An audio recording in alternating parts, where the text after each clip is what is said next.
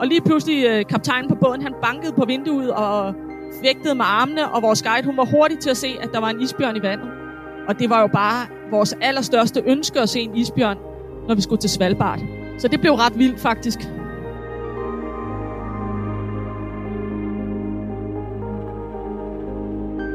I 2019 rejste Anne-Marie Bøje og Rasmus Lyngsø til den norske øgruppe Svalbard. Den ligger sådan cirka 2.500 km nord for Danmark. Øerne ligger i ishavet, halvvejs mellem Norges nordligste kyster og Nordpolen. Den her norske øgruppe byder på uberørt arktisk ødemarks langt øjet rækker og har et helt enestående dyreliv. Et landskab, der både er barskt, men også skrøbeligt. Svalbard er måske nok især kendt for den store bestand af isbjørne, der findes i området. Og der anslås, at der er i alt mellem 2-3.000 isbjørne her. I dagens udsendelse kan du blandt andet høre om Anne-Maries og Rasmus møde med en isbjørn. Du kan også høre om deres besøg til en forladt sovjetisk mineby, og så har de også været besøg på en valroskoloni. Vi snakker også om helt lavpraktiske tips om, hvordan man kommer til Svalbard, hvor man skal bo henne, og hvordan man kommer rundt og se alle de her ting. Så lyt med i dag, hvor vi skal rigtig langt nordpå og høre om det her fantastiske arktiske ørige.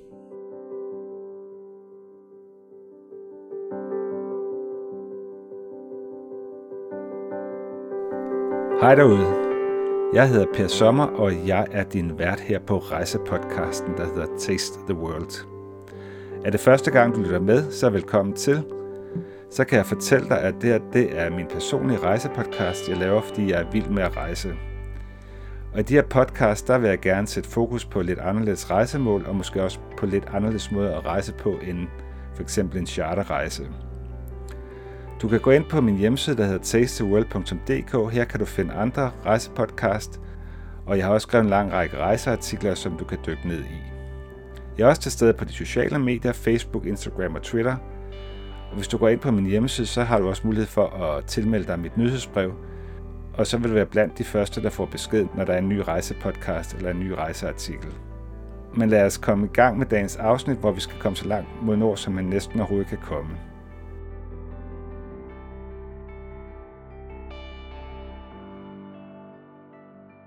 Jeg vil gerne sige velkommen til Anne-Marie Bøje og Rasmus Lyngsø, som står bag rejsebloggen Two Danes on Tour. Tusind tak. Tak for det. Vi skal jo tale om øh, den her norske øh, øgruppe Svalbard i dag. Og kan I sådan helt kort forklare, hvorfor I synes, man skulle tage op og besøge den her øgruppe? Jo, det er meget sjovt, du spørger. Altså, for et par dage siden, så snakkede vi om det, og øh, uafhængig af hinanden, så sagde vi begge to, dyrelivet, dyrelivet, dyrelivet. Så øh, det er meget kort sagt. Ja, så der er et fantastisk dyreliv op, og der er, der er noget anderledes end alle mulige andre steder, kan jeg forstå. I hvert fald øh, end alle mulige andre steder, øh, sådan øh, syd for Polarcirklen. Men selvfølgelig er det også øh, hele naturen, og øh, vi har snakket om, at det er jo et spændende samfund. Altså, det er jo øh, meget lille samfund, og det er jo mega specielt at bo der. Og så er der nogle ret specielle russiske minebyer, som øh, kan være interessante at besøge. Svalbard er jo sådan lidt et særligt sted, fordi at dem, der har skrevet under på Svalbard-traktaten, de har lov til at bosætte sig. Og det har Danmark for eksempel også. Så vi må faktisk gerne lave en bosættelse deroppe, hvis vi havde råd og lyst til at gøre det. Så det er et meget specielt sted. Det er sådan et internationalt sted, kan jeg næsten forstå. Øhm. Jeg læste også et sted, der er mange nationaliteter, der bor deroppe. Ja, altså i øh, Longyearbyen bor der rigtig, rigtig mange forskellige nationaliteter. De snakker om helt op øh, mod 50 forskellige slags ud af 2.000 mennesker. I den by, der hedder Barnsburg, der bor rigtig mange russere og ukrainere. Men altså grund til, den primære grund til, at man skal tage til Svalbard, det er det her helt unikke øh, dyreliv. Polardyrliv, kan man vel godt kalde det, tænker jeg. Det vil være vores øh, nummer et, det er helt sikkert.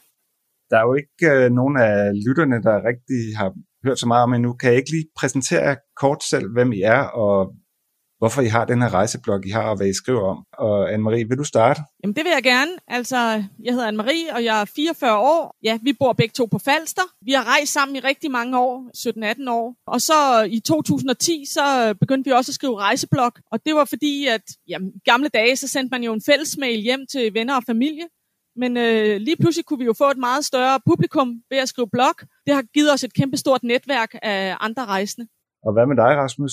Jeg er 47 år og øh, arbejder til daglig som folkeskolelærer. Jeg tror, jeg har fået min, min rejseløst fra da jeg var udvekslingsstudent i Mexico i 1991. Det er egentlig det, der har, der har ansporet mig til at rejse, tror jeg. Og så, da jeg mødte Anne-Marie, så, så mødte jeg egentlig bare en, der havde nøjagtigt den samme lyst til at opleve og til at lære nye mennesker at kende. Kan I kort fortælle lidt om jeres rejseblog, den her Two Danes on Tour? Altså, det er jo fantastisk. Det er jo nærmest sådan et udvidet postkort, kan man også sige. På et eller andet tidspunkt, så fik vi lyst til at dele de oplevelser, vi havde med andre mennesker. Fordi øh, at i gamle dage, øh, der skrev man jo fælles mails hjem til venner og bekendte og familie.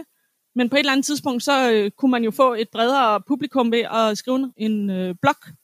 Og det synes vi var rigtig spændende, og vi får rigtig gode kontakter ud af det når jeg var inde og kigge på jeres rejseblog, jeg har sådan en særlig fokus især på natur og dyreliv. Er det ikke rigtigt forstået? Jo, det er rigtigt. Og jeg prøver gerne på uh, som regel at, at tage uh, billeder af de dyr sådan tæt på, hvor Anne-Marie sådan tager billeder af naturen generelt, og uh, så er det hende, der, der skriver mest. Og bor I også ude i naturen, når I rejser? Ja, vi er meget i naturen. Men, men vi er også, vi er også til øh, sådan det lidt øh, utraditionelle. Altså sådan noget med, øh, når vi skal vælge rejsedestinationer for eksempel, så kan vi godt lide, at det ikke er sådan, det, altså vi tager ikke til Mallorca for eksempel. Det kan være, at vi gør på et tidspunkt, men, men lige nu, der, der prøver vi at tage nogle, nogle lidt andre steder. Ofte så spørger folk os, hvad skal I der? Det kan man ikke rigtig sige, hvad, hvad skal vi der? Vi, vi er bare draget af, at der er noget ukendt. Og så, øh, så befinder vi os lige pludselig i Transnistrien, eller i Hvide Rusland, eller øh, Iran, eller Svalbard, som, som vi snakker om nu her, ikke? Så jeg er tiltrukket af det her lidt mere, de lidt mere ukendte destinationer, og måske også måder at rejse på. Ja, og så, øh, så, så har vi sådan nogle gange, så, øh, så laver vi sådan en lille dogme for os selv. Altså, så kan det være, at vi siger på en eller anden ferie, at flybilletten må maks koste 2.000 kroner. Og hvis vi så havde drømt om at tage til Rom, og det koster 2.003 kroner, jamen så kan vi jo ikke tage afsted så bliver vi nødt til at finde noget andet, som interesserer os. Ja. Øh, og vi plejer at sige, øh, altså vi har jo aldrig set noget af det før, der hvor vi tit tager hen, så alt er jo en oplevelse.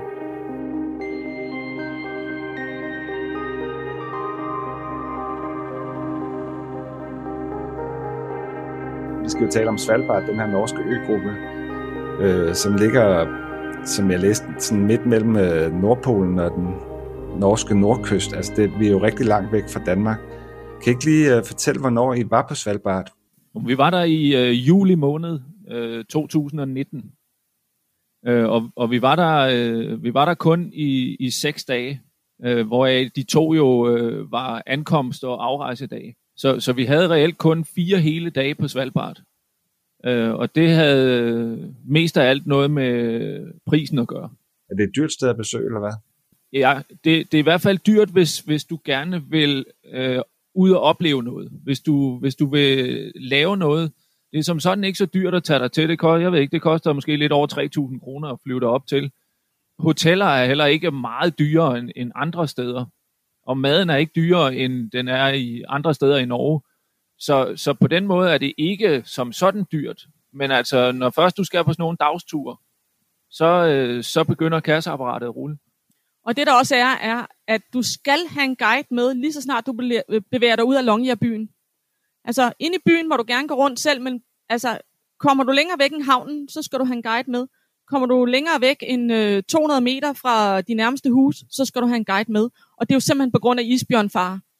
Altså, der, man kan ikke forlade øh, det civiliserede område, uden at man skal en eller anden med. Er, er det, de har, sådan, har de gevær med, eller hvad, hvad, ja. hvad, hvorfor har man sådan en med? Ja. Alle har gevær med. Øhm, altså, man må ikke gå nogen steder, uden at man har gevær med. Ja, så det er ret vildt, og der står isbjørneskilte rundt i byen, at efter det her skilt, så er det altså med guide, ikke? Jeg kunne godt tænke mig lige at gå lidt tilbage, inden I tog afsted. Hvorfor, øh, altså, hvorfor valgte I lige Svalbard inden? Kan I huske, øh, hvilke overvejelser jeg gjort jer?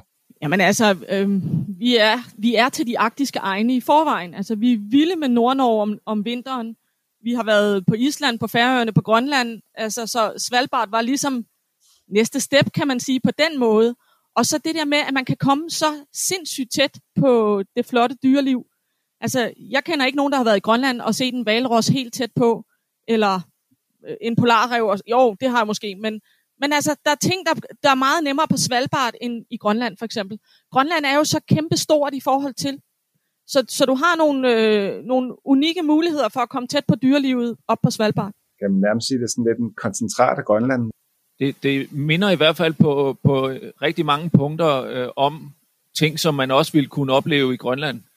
Øh, men, men det er jo bare øh, meget mindre afstand, man dækker her.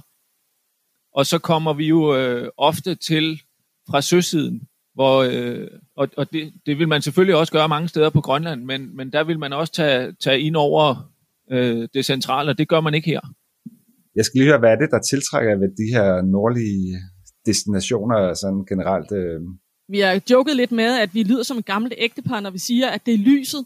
Altså det der, øh, især om vinteren, øh, den der solopgang og solnedgang, som varer i fire timer, og, og solen kommer aldrig helt op på himlen, men alt er bare øh, lyserødt og orange på, på, i horisonten. Det synes vi bare er helt fantastisk. Og så det dyreliv, vi kan møde i omkring Tromsø om vinteren, og nu her øh, på Svalbard om sommeren, det har bare øh, ja, tiltalt os. Og så er norsk jo et fantastisk sprog. Hvordan kommer man ind til derop? Altså, man, man har reelt øh, to muligheder. Man, man kan gøre, som vi gjorde. Vi, øh, vi tog til, til Tromsø først, fløj til Tromsø, og så øh, fløj vi derfra videre til Svalbard. Og hvor lang tid tager det? Ja, hvad tager det at flyve til Tromsø? Det tager vel fire timer eller sådan noget at flyve mm. derop til. Tre måske kun, hvis det er direkte. Øh, og så, øh, så tror jeg, det tager, hvad tager det, en tre timer videre også. Så, øh, så man kommer sådan et, et, et godt stykke derudad. Men, men man kunne også, der, der findes øh, muligheder for at sejle også fra, fra Nord-Norge, og så sejle det op.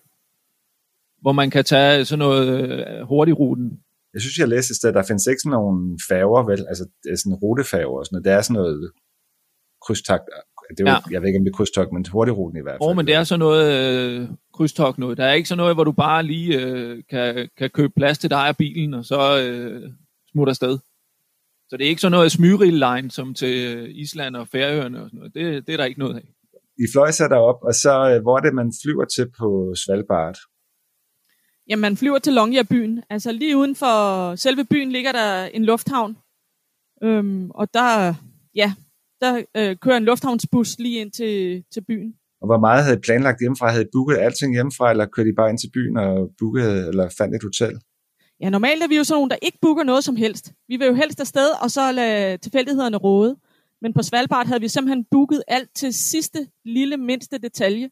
Og det var simpelthen for at få de ture, vi gerne ville. Altså det var meget vigtigt for os, når vi kun havde fire dage, at vi kom på præcis de øh, naturture, øh, altså dyreture, som vi gerne ville. Og det, det vil tilråde andre også at gøre. Ja, altså, ja, det kommer jo an på, hvad man, hvad man gerne vil. Altså, fordi jeg tror egentlig ikke, at vi har sparet nogen penge ved at, at ikke meget i hvert fald, ved at, at lave turen selv. Man ville også kunne tage med, altså købe ture med, med hurtigruten for eksempel, hvor man fløj op og så sejlede rundt i, i fire dage for cirka det samme, som vi har endt med at betale. Men så havde man ikke fået de samme ture, som vi fik. Og det, for os var det vigtigt. Altså, vi brugte heller ikke den samme øh, turarrangør deroppe til, til alle vores ture. Vi, vi brugte dem, hvor vi tænkte, den her tur, den er fed, den, øh, eller den lyder fed, den, den tager vi. Så på den ene af, af turene, der var det, der, på vores valrostur for eksempel, der var det afgørende, at, at dem vi tog med, de lod folk komme i land. Hvor flere andre ture, der ser man dem bare fra søsiden, ikke? Så, hvor man stadigvæk er ombord på båden. Så, så det, vil, det vil være jeres anbefaling, hvis man gerne vil have sådan lidt mere skræddersyet, at man selvfølgelig så finder de turoperatører, der så passer til de oplevelser, man nu synes er, er fede. Ja, altså for os var tidspunktet også mega vigtigt. I slutningen af juli, så er der nogle polarlomvier, og deres unger, de hopper af redden, alle sammen samtidig. Og det gør de jo, fordi at, øh, så håber de på, at de ikke bliver spist af en fjeldrev eller en isbjørn på vejen ned, eller en måge for den sags skyld. Og det er kun fire dage i juli, så vi planlagde hele vores tur rundt om, at polarlomviernes unger skulle hoppe redden. Jamen altså, vi tog jo ud på den tur, og vi kom derud, og vi drak til at spise kage og kiggede op på fjellet, og der var ikke nogen, der hoppede af. For de vidste ikke, hvad dagen det var. øhm, så det var jo lidt uheldigt, kan man sige. Heldigvis kom der en polarrev og, og hen til os og kiggede på os. Og det havde vi jo ikke set før, så det var helt fantastisk. Så det endte med at blive en mega god tur, selvom at det vi kom efter, fik vi ikke se. Man kan sige, at vi, vi så nogle enkelte, der, der hoppede ud det sjove var, at, at man kunne se en af forældrene ligesom følge med den nedad. Det, de hopper jo fra et mega højt fuglefjeld, og øh, så er det jo meningen, at de gerne skulle nå hen over landjorden, og så nå hele vejen ud til vandet og lande der, fordi det er der, de har størst mulighed for at overleve. Men finten er jo, at de ikke har lært at flyve. Så det er jo i noget svæv og noget med at baske lidt med vingerne og noget, og der kan, der kan man ligesom se, hvordan er forældrene, eller i hvert fald den ene af dem, flyver bagved, og jeg er sikker på, kommer med opmuntrende ord og siger, bask med vingerne, min dreng. Det er en hård start på livet, var? ja, det er det. Det er også ja. en hård landing. ja, det lyder sådan.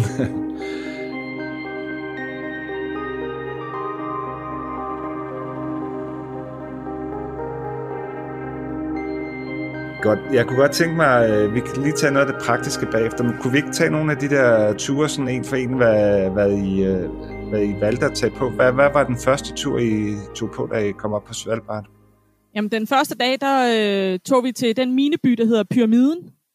Altså, det er oprindeligt en svensk mineby, og så har de solgt den til russerne. Og øh, der har boet øh, rigtig mange russer arbejdet øh, under jorden med kulmindrift. Og så lige pludselig, så øh, brød øh, Sovjetunionen jo sammen, og øh, det var ikke rentabel mere, og så flyttede de øh, hele byen nærmest fra den ene dag til den anden. Så der står en hel by med gymnastiksal og svømmehal og skole og kantine og alt, lejligheder, bare tomt. Og øh, når man tager derhen, jamen, så skal man selvfølgelig have en guide og gå med rundt, og så må man gå ind i alle husene og kigge på, hvordan der ser ud. Så det er jo ret specielt. Men for os endte det med, det vildeste blev, at lige inden vi kom derhen til, stopper man ved en stor øh, gletscher. Og mens vi stod der, så får man udleveret et glas whisky øh, med isterninger fra gletsjeren. Og sådan. Du, de laver en lille happening ud af det. Og lige pludselig, øh, kaptajnen på båden, han bankede på vinduet og vægtede med armene, og vores guide, hun var hurtig til at se, at der var en isbjørn i vandet. Og det var jo bare vores allerstørste ønske at se en isbjørn, når vi skulle til Svalbard. Så det blev ret vildt faktisk. Så I så allerede en isbjørn på den første dag, I var der? Ja, det er også derfor, at så kunne det nærmest ikke blive bedre, vel? Altså man siger, øh, omkring Svalbard og det russiske område, er der omkring øh, 2-3.000 isbjørn. Og man regner med, at øh, omkring 5% af dem, der tager til Svalbard, de er heldige at se en isbjørn. Okay, så det var en kæmpe succes, det der. Ja, at det var øh, mere, end vi havde tur håb på.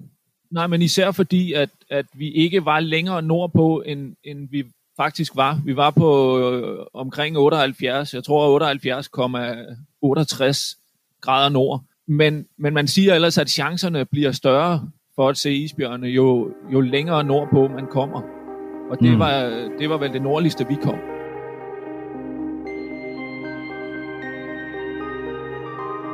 Inden vi fortsætter snakken med Anne-Marie og Rasmus, så skal vi altså lige kigge lidt nærmere på, hvad isbjørnen er for et dyr. Og jeg har kigget lidt på sagerne. En isbjørn kan blive helt op til 2,8 meter lang og kan veje helt op til 700 kilo. Og det gør den faktisk til den største bjørneart i verden. Isbjørnen lever af kød og elsker kød, og den lever for eksempel primært af saler, fisk, snehare, polarrev og unge valrosser. Og det betyder også, at den vil gå efter menneskers affald, og det gør den til lidt af en farlig nabo, og det her er også en af årsagerne til, at man ikke kan forlade byerne på Svalbard uden at have en bevæbnet guide med. Selvom isbjørnen næsten er hvid som sneen selv, så er de faktisk kulsorte under den tykke pels. Pelsen er faktisk gennemsigtig og ser kun hvid ud, fordi den reflekterer lyset.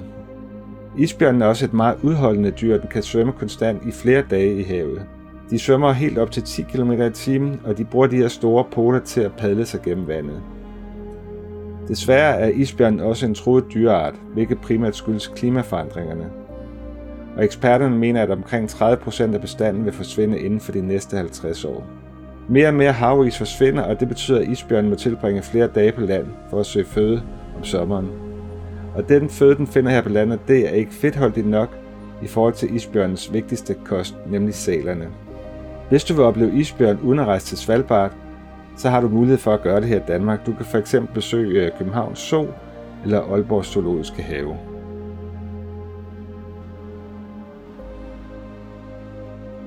Og vi var også, øh, altså vi var faktisk også heldige på, på en anden måde, fordi at, at vi, var de, vi var de eneste fire, der var med båden. Og, og når jeg siger båd, så var det nærmest, det var ikke en færge, men det var tæt på. Okay. øh, der, der var plads til, til 60 personer, og øh, der var, øh, den dag var vi øh, otte besætningsmedlemmer, og øh, os fire, vi havde mine forældre med os. Så vi, øh, vi kom undervejs op og sidde op i styrehuset, og kunne sidde op øh, på broen sammen med, med kaptajnen, og øh, sidde og snakke med ham og alle de andre. Og der blev øh, råbt val, og så kunne vi sidde og kigge ud, og deroppe fra, ikke? så det var jo også fedt. Jeg skal lige høre med den der russiske by, for det er jo helt vildt, at der faktisk er russiske byer i Norge. Det, det er vel det, der er, kan man sige. Øh, der er andre steder, hvor der er russer stadigvæk, ikke også, som synes, jeg har læst. Øh... Ja, en af de andre dage der, dage, der tog vi til en by, der hedder Barnsburg, og der bor omkring 450 indbyggere stadigvæk. Men altså, når man kommer der til, øh, der er forladte huse, der ser fuldstændig mennesketomt ud, og igen, man går lidt rundt og kigger, der kan man jo ikke sådan gå ind i folks hus på samme måde. Øh, og vi havde heller ikke brug for en guide i selve byen. Vi måtte godt gå rundt uden en guide. Men det ser også bare, ja, helt specielt ud, og der er jo skilte på russisk. Men, men rigtig mange af dem arbejder jo i, i minen der, så de er jo øh, under jorden, dem der, de fleste af dem, der er der. Vi skylder måske lige at sige, at, at ved pyramiden, den første russiske by, vi kom til, at øh, der er jo faktisk stadigvæk russere der. Altså, der er nogle enkelte, som holder vagt, og som øh, står og sikrer, at der ikke lige pludselig kommer øh, nogle tossede danskere, eller en eller anden, der har besluttet sig for at slå sig ned på Svalbard, og så overtager nogle af de her ting. Så det lyder også som om det er lidt opdelt. Der er ligesom den der Longyearbyen, hvor der er hovedbyen, hvor der er mange nordmænd og andre, og så russerne, der holder til sig selv, eller hvad? Ja, men altså, der bor også russer inde i Longyearbyen. Okay. Altså, den guide, vi havde på den her tur, hun var russer øh, og boede i Longyearbyen. Og hvor lang tid tager sådan en tur fra altså, den der hovedbyen og så ud til den der pyramiden, som øh, byen hedder? Er det sådan en heldagstur? Ja, det er en heldagstur.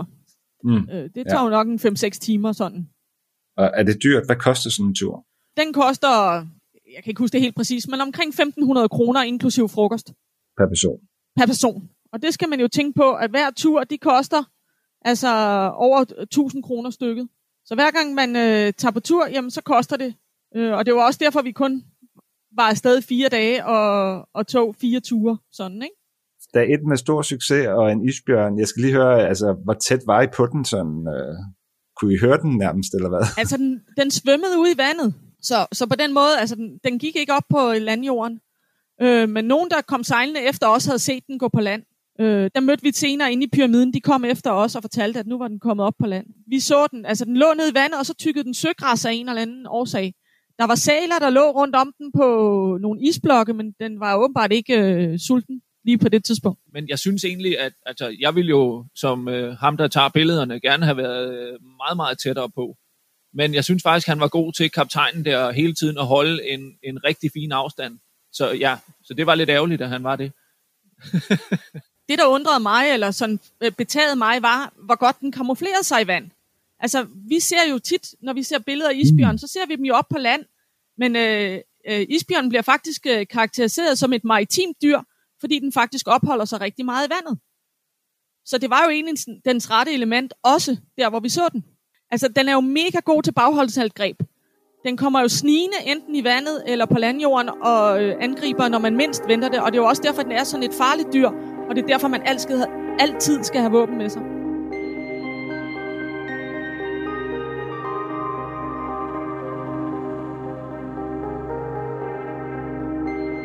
Lad os tage øh, dag to. Der var jeg så på en, endnu en tur, går jeg ud fra. Ja, det var også en rigtig spændende tur. Altså, vi skulle jo ud og se øh, de der valrosser, og vi havde håbet på godt vejr, fordi at hvis det var stille vejr, så kunne vi gå i land. Og det er ud et sted, der hedder øh, Pulepynten, på en ø, der hedder Prins Karls Forland. Vi sejlede derud, det var godt vejr, og vi kommer derud, og allerede fra båden kan vi både lugte og høre alle de der valrosser. De prutter og bøvser og stinker så det er helt vildt. altså, man kan slet ikke forestille sig sådan en koloni. Altså, vi har ført set sæler og sådan noget, men det her, det overgik det, vores vildeste fantasi. Så blev vi sejlet ind til land af flere hold, fordi det var sådan en lille Zodiac, øh, sådan en lille gummibåd. Og hele tiden sørgede de for at have en mand på land med gevær, og en, der sejlede båden frem og tilbage, til vi alle sammen var kommet frem ned på stranden. Og så nærmede vi os lidt, de der store valrosser, og der blev tjekket for isbjørn, fordi det er jo virkelig et spisekammer af den helt store verden. Og da de opdagede, at der var ro på kolonien, og der ikke var nogen øh, bjørnefar, så fik vi lov at gå endnu tættere på. Og vi fik jo nogle fantastiske billeder af valrosserne. Ja, det var ret sjovt. Altså det, øh, også fordi, at man jo et eller andet sted bare forventer, at man skal ud og se et eller andet, og så det, der faktisk møder en først, det er lugten. Og hvad sådan en tur? Der, der er igen, det, man tager ud nogle timer, og så er man derude ved de der valrosser nogle, et stykke ja. tid, eller hvad foregår jeg, jeg vil tro, at vi havde måske øh, en lille time på øh, maksimum ude ved mm. kolonien, mm. og ellers så var det, øh, så var det sejlture frem og tilbage. Men, men altså, det gode ved at sejle rundt deroppe er jo, at der hele tiden kan ske et eller andet. Ikke? Og, og ofte ser man jo øh, valer, eller øh, ørne, eller øh, store fugle, eller et eller andet. Jeg har selv været på Grønland. Øh, jeg skal bare lige høre, om det er den samme fornemmelse, man har. Når man gik ud af, jeg var i Idolisat, øh, når man lige gik rundt om hjørnet, så følte man nærmest, at man var alene i verden. Er det sådan den samme fornemmelse, man har deroppe? Det er det uden tvivl. Altså, øh, der er selvfølgelig andre både, men ret hurtigt, så er man, lige så snart man kommer ud fra Longyearbyen, så er man bare sig selv, og dem, man er afsted sammen med. Også når vi bliver sat i land, altså der var ikke nogen andre. Det var kun, da vi skulle tilbage fra pyramiden, så mødte vi nogen, der kom til pyramiden. Ellers var vi bare os. Naturen er jo bare så storslået. Der minder det meget om Grønland, synes jeg. Så dag to, der var valrosse, og så, så når man så kommer tilbage sidst på eftermiddagen, øh, så går man rundt der i Longyearbyen og får noget aftensmad, og der er vel restauranter, eller hvordan er stemningen i sådan en by? Ja, der? altså, jeg, jeg synes, det minder meget om en grønlandsk by, faktisk. Altså sådan det der polar, øh, man skal næsten have oplevet det for ligesom at, at sådan kunne helt forstå det, tror jeg. Øh, men sådan en hovedgade med et par få butikker og nogle restauranter. På Svalbard er der ret gode restauranter, faktisk. Så det er god øh, standard mad, man kan øh, købe. Altså, der er jo ikke nogen McDonald's eller Burger King eller sådan noget. Men altså, der er jo et lokalt bryggeri. Det var rigtig fint også. Og øh, bare det her med, at der er de, det lokale islet i form af, af drikkevarer også, ikke? Altså, fordi maden var jo også rigtig mange steder øh, noget, som, som kommer derop fra, eller i hvert fald Max er kommet fra Norge. Og jeg tænker, at det der øl der, det må vel også være til norske priser, så? Eller det var hvad? det, ja. Det, øh, det, det kommer man til at betale for. Der kan man godt få et par fadøl herhjemme for, for en øl deroppe, tænker ja, jeg. Ja, altså man, det er ikke sådan, at man, øh, man tænker, at man skal sidde og drikke sig ned deroppe. Altså det er, det er at man får en øl til, til sin mad, ikke? og så er det så er det. det.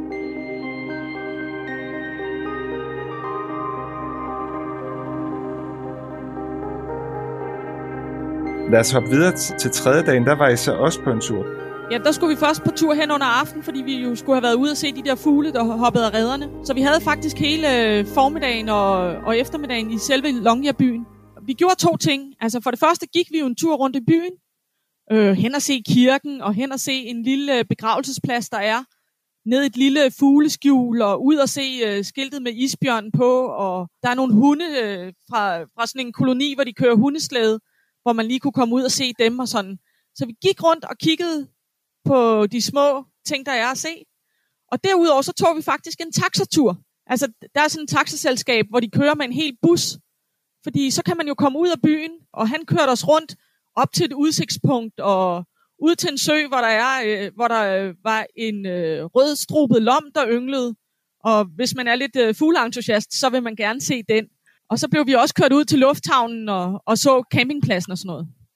Okay, der er også en campingplads deroppe. Der er simpelthen en campingplads. Og man, altså, man kan sige, hvis Rasmus og jeg selv havde været afsted, så kunne vi måske godt have overvejet at sove der. Men fordi vi jo også havde hans forældre med, så havde vi selvfølgelig booket hotel.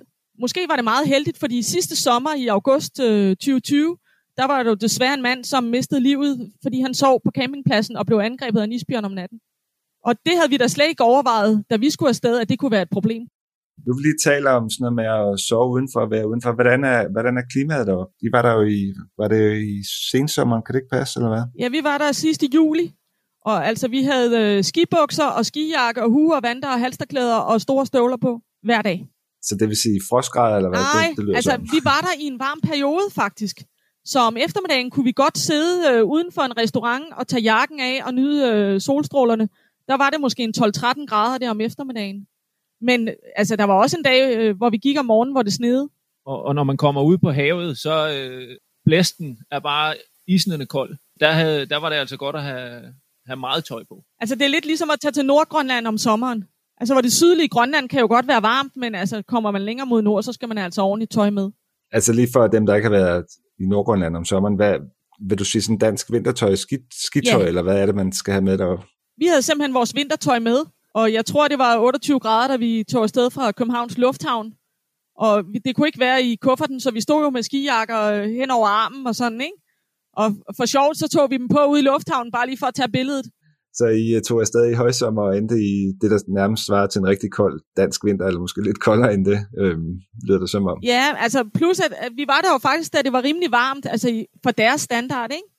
Så, så det var jo heldigt for os. Er der ellers andet, I sådan vil anbefale, man skulle tage med derop? Det er nok det vigtigste. Altså, at man er ordentligt klædt på, fordi der er ikke noget værre, end at være ude i naturen og fryse. Altså, så det ødelægger alle oplevelser. Så har man jo ikke lyst til at gå ud på dækket af båden. Og måske et par gode vandrestøvler, eller hvad? Ja, ja. Altså gode vandrestøvler, men vi var ikke på nogen vandretur, men det er jo stadigvæk godt at have på, når man også skal af og på båden og så videre. Jeg ved ikke, om jeg ved noget om det, men jeg læste det der med bæredygtighed og selvfølgelig også at bevare dyrelivet, fylder rigtig meget for dem derop. Kan det ikke passe?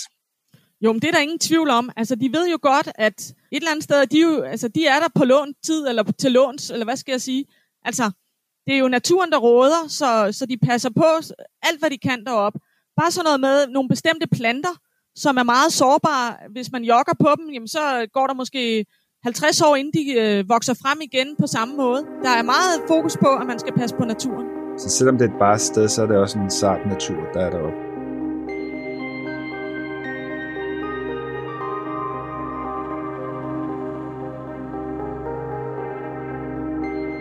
Den sidste dag, der tog vi til den by, der hedder Barnsburg, og vi havde øh, valgt at tage med videre til noget, der hedder Isfjord Radio. Der ligger et hotel. En gang så øh, var det en øh, radiostation og en værstation, men øh, den er blevet nedlagt, og så har, er der nogen, der har overtaget det og bygget et hotel. Og der var en øh, frokost derude, og så tænkte vi, om det kunne da være spændende at komme derud og kigge. Og øh, de fortalte så, at besøgeren isbjørn på hotellet. Altså, øh, de var gået i seng, og så pludselig så kunne de høre øh, støj den var brudt ind igennem øh, en øh, sådan garage, hvor de havde øh, opmagasinering af konserves og vin og øl og sådan noget. I den var brudt ind af porten, så havde den kommet til at smække porten bag sig.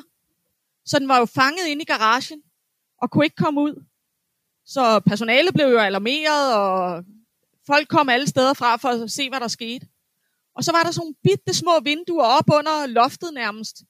Og der nåede den at bryde ud af et af de vinduer og mase sig selv ud af sådan en kældervindue, hvis I kan forestille jer det. Den kom ud og var fuldstændig blodig og stak af. Og nu har de lavet sådan et skilt i vinduet, altså det er blændet af, og så står der øh, isbjørne udgang. Men det siger noget om, hvor adrette de er, og, og hvad de faktisk kan, og hvor farlige de er. Og de er så heller ikke så sky, åbenbart. Det lyder ikke sådan, vel? Altså, hvis de er sultne nok, så, så skal de nok gå til den. Det er der ingen tvivl om. Og altså, ja, jeg er jo lidt nørdet, så indimellem så finder jeg nogle Facebook-grupper, jeg følger, og blandt andet følger jeg Sysselmanden på Svalbard. Sysselmanden er det samme som politiet, og der får jeg øh, ikke hverken hver uge eller hver måned, men der får jeg så besked, når der er en isbjørn i nærheden, som de prøver at jage væk. Og de har altså problemer med, at isbjørnene kommer tættere og tættere på Longyearbyen. Er det på grund af klimaforandring, eller hvad skyldes det? Ved du det? Det siger de ikke direkte. Men altså, øh, isbjørnen plejer jo at bruge øh, altså isflager blandt andet til at, at holde pause på, når de er på jagt. Og jo færre der bliver af dem, jamen, jo sværere bliver det selvfølgelig at finde noget at spise, eller i hvert fald at komme langt væk. Derfor kan det jo godt være, at det så er det, der gør, at de så tænker, så må der være et lettere måltid herovre inden for de her mennesker, hvor der lugter så godt af affald. Ja, det er jo ret vildt, øh, for jeg læste også, at de er vist påvirket op af klimaforandringerne. Altså, vi ved, at øh, rensdyrene var påvirket for nogle år siden. Altså, det havde regnet i december måned, og det plejer det normalt aldrig, det plejer jo sne. Og efter det havde regnet, så frøs det rigtig hårdt, og det betød, at rensdyrene kunne simpelthen ikke grave ned igennem isen og få noget at spise. Så rigtig mange øh, svalbardrensdyr, de døde. Øh, og svalbardrensdyret er anderledes end det rensdyr, der lever i Norge eller andre steder. Og det er, det er simpelthen mindre og, øh, og bedre øh, egnet til at leve øh, så højt mod nord. Så det var lidt en katastrofe, at så mange af dem døde. Og det betød, at da vi var ude der ved Polarreven, jamen så lå alle de der kadaver for de rensdyr, der var døde. Trist, men øh, det er jo godt også at få det frem, så vi alle sammen bliver klar over det, hvad, hvilke konsekvenser det har med de her klimaforandringer.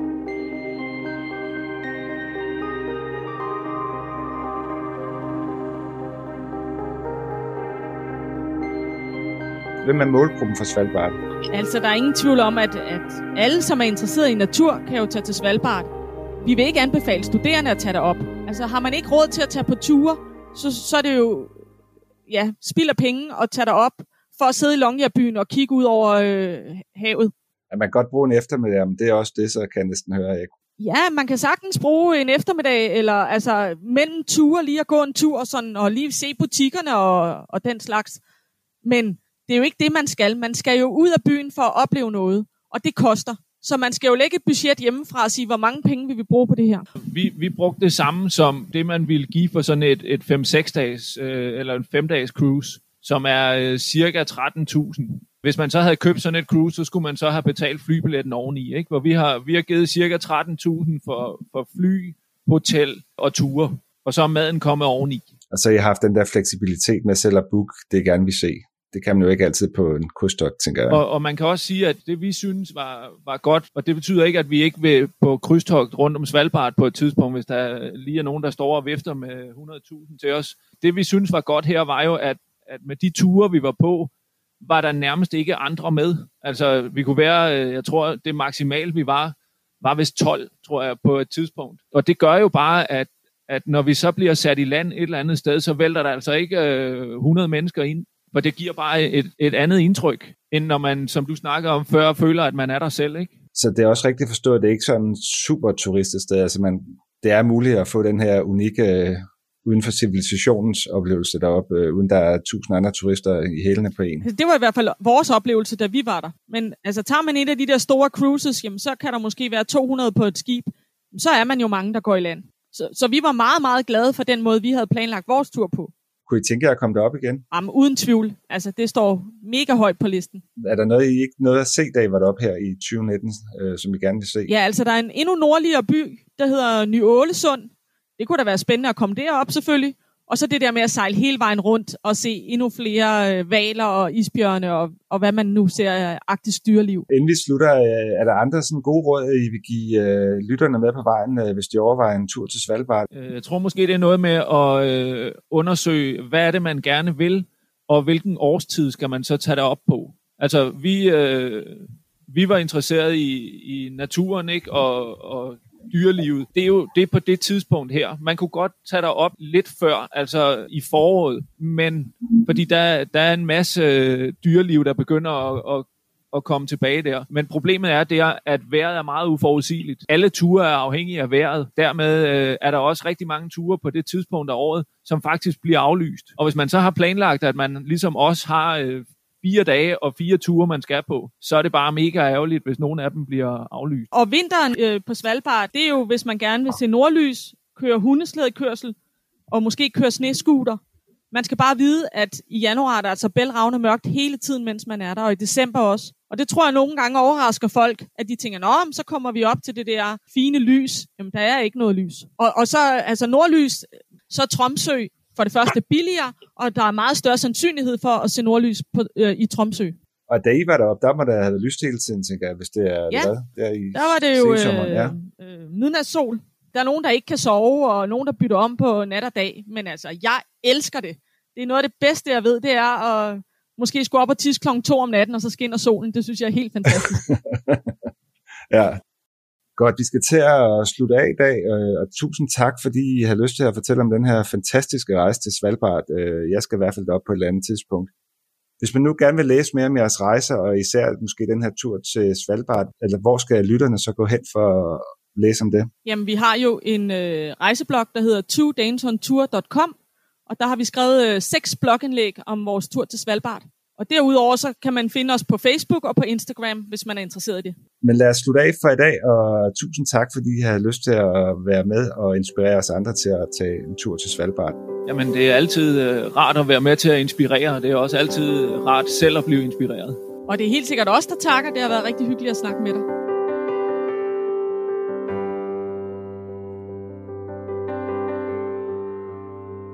Så nåede vi til vejs ende i dagens podcast episode om Svalbard, og tak fordi du lytter med hele vejen. Også tak til Anne-Marie og Rasmus, fordi de har lyst til at fortælle om deres tur og dele ud af deres viden. Jeg fandt det meget inspirerende, og det håber jeg også, du gjorde. Jeg kan anbefale dig at gå ind og læse på deres hjemmeside twodaysontour.com. Du kan finde øh, noter til dagens episode på min egen rejsehjemmeside tasteworld.dk, og her kan du også finde andre rejseartikler og podcast. Det var alt, hvad jeg havde for i dag, og jeg håber snart, at vi lyttes ved igen. Jeg har i hvert fald nogle flere podcast-idéer i støbeskeen. Har du nogle idéer til noget, jeg skal lave podcast om, så hører jeg rigtig gerne fra dig. Du kan skrive til per eller du går ind på tasteworld.dk og skrive til mig derfra også. Men endnu en gang tak, fordi du lyttede med, og jeg håber, du har lyst til at lytte med en anden gang.